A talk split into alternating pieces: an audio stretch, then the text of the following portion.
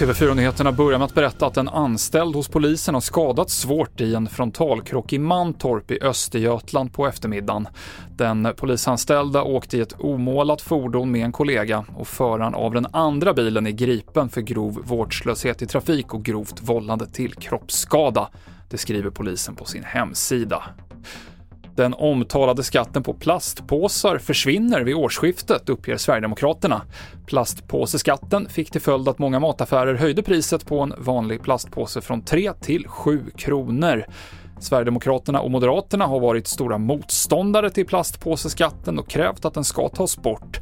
Vår politiska kommentator förklarar varför. Man ska se det här som en symbolisk åtgärd att göra sig av med något man har sett som ett irritationsmoment. Den här regeringen har gjort en ganska stor poäng av att eh, bryta med den, den, klimat och miljöpolitik som den förra regeringen stod för. Man, man pratar om hur vanligt folks konsumtion eh, har begränsats eller påverkats av eh, skatter. Det sa Ann Tiberg.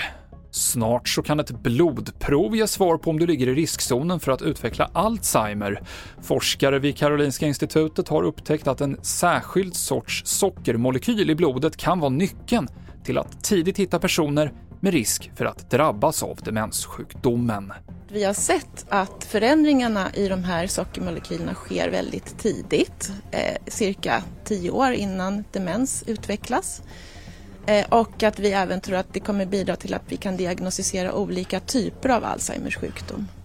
Eftersom det nu börjar finnas läkemedel eh, på marknaden så kan det bli väldigt intressant att börja behandlingen tidigt för att den ska ha bra effekt. Det sa Sofia Sjödin Weiss, docent i medicinsk biokemi.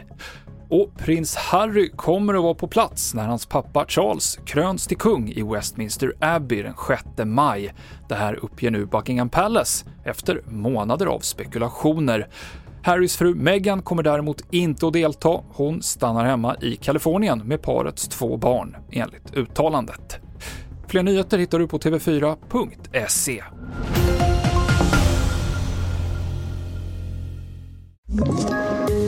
poddtips från Podplay. I fallen jag aldrig glömmer djupdyker Hasse Aro i arbetet bakom några av Sveriges mest uppseendeväckande brottsutredningar.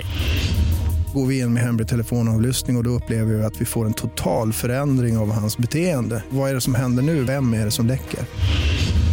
Och så säger han att jag är kriminell, jag har varit kriminell i hela mitt liv men att mörda ett barn, där går min gräns. Nya säsongen av Fallen jag aldrig glömmer på Podplay.